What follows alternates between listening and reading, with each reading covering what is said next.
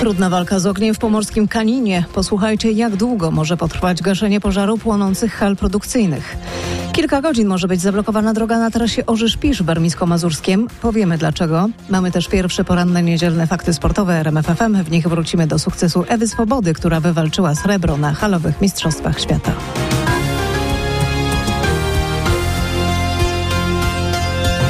Coraz więcej strażaków na miejscu, nawet do wieczora może potrwać gaszenie pożaru czterech hal produkcyjnych w Kaninie koło Lęborka na Pomorzu. Jak informowaliśmy, ogień pojawił się tam nad ranem. Na szczęście nikomu nic się nie stało. Teraz w faktach z najnowszymi informacjami nasz reporter Michał Dobrowicz. Michale, co dzieje się na miejscu? W tej chwili pożar gasi już dokładnie 139 strażaków. Oni wciąż nie mogą dostać się do środka, bo w płonących halach jest bardzo wysoka temperatura. Jest tak gorąco, że konstrukcja hal złożyła się do środka i dlatego kolejne zastępy, jak mówili mi przed chwilą strażacy, przegrupowują się teraz na zewnątrz i próbują opanować pożar. Ta akcja według najnowszych przewidywań potrwa jeszcze co najmniej 10 godzin. Na miejscu jest duże zadymienie, ale mam uspokajające informacje. Przed momentem strażacy dostali wyniki badań chemicznych powietrza w Kaninie. Nie ma tam na szczęście gazów niebezpiecznych. Służby jednak apelują do okolicznych mieszkańców, by dla bezpieczeństwa zamknęli okna i nie opuszczali domów. Do dziewięciu wzrosła liczba śmiertelnych ofiar wczorajszego ataku Rosjan na blok mieszkalny w Odessie na południu Ukrainy, poinformowała o poranku tamtejsza państwowa służba do spraw sytuacji nadzwyczajnych. Armia Putina, przypomnę, zaatakowała nocą z piątku na sobotę dronami bojowymi obwody Odeski, Charkowski i Sumski. Jeden z bezzałogowców uderzył w blok w Odessie. Ratownicy wydobyli spod gruzów m.in. ciała matki i trzymiesięcznego dziecka. Szef władz obwodu odeskiego Kiper przekazał, że niedziela jest w Odessie oraz w obwodzie odeskim dniem żałoby. Aktualny obraz faktów. Kierowców warmińsko-mazurskiem ostrzegamy, nawet do 13 może być zablokowana droga krajowa 63 na trasie Orzysz-Pisz. W Szwejkowie wyciągana jest ciężarówka, która przed północą wpadła do rowu. Musicie korzystać z wyznaczonych objazdów.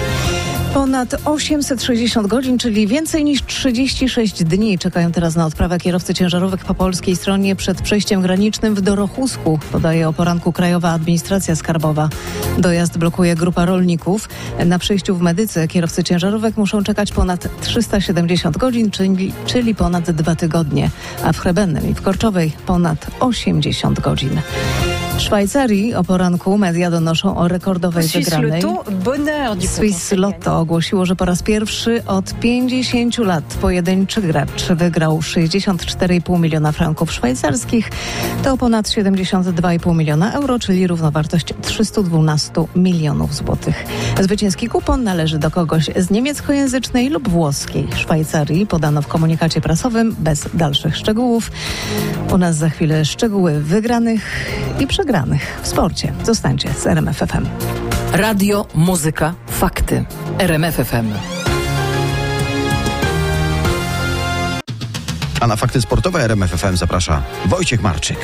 Po dwóch dniach lekkoatletycznych halowych Mistrzostw Świata w Glasgow Polska z jednym medalem na koncie. Wczoraj w biegu na 60 metrów przez płotki srebro wywalczyła Ewa Swoboda. Polka musiała w finale uznać wyższość reprezentantki Wyspy Świętej Łucji, Julien Alfred, e, która wygrała z czasem 6 sekund 98 setnych, a z takim czasem Polka wygrała swój bieg półfinałowy. Myślę, że to jest bardzo duże osiągnięcie teraz, jak się już uspokoiłam i cieszę się, że, że mogę być niezadowolona przez chwilę tam, przez godzinę po pobiegu, że jestem wicemistrzynią, a nie mistrzynią. Mówiła Ewa Swoboda. Piąty w finale biegu na 60 metrów przez płotki był Jakub Szymański, a ozdobą wczorajszego dnia mistrzostw nowy rekord świata Holenderki Femke Bol na 400 metrów. Od wczoraj wynosi on 49 sekund 17 setnych. Polscy skoczkowie dali wczoraj kibicom powody do zadowolenia.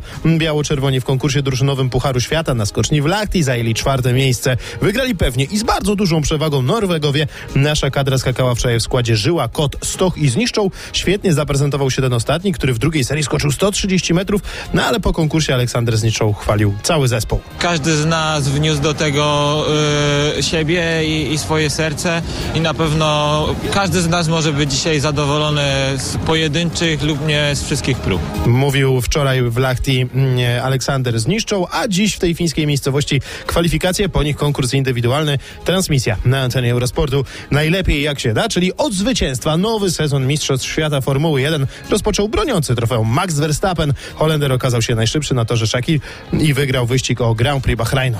What a great race, unbelievable balance as well. Absolutely fantastic.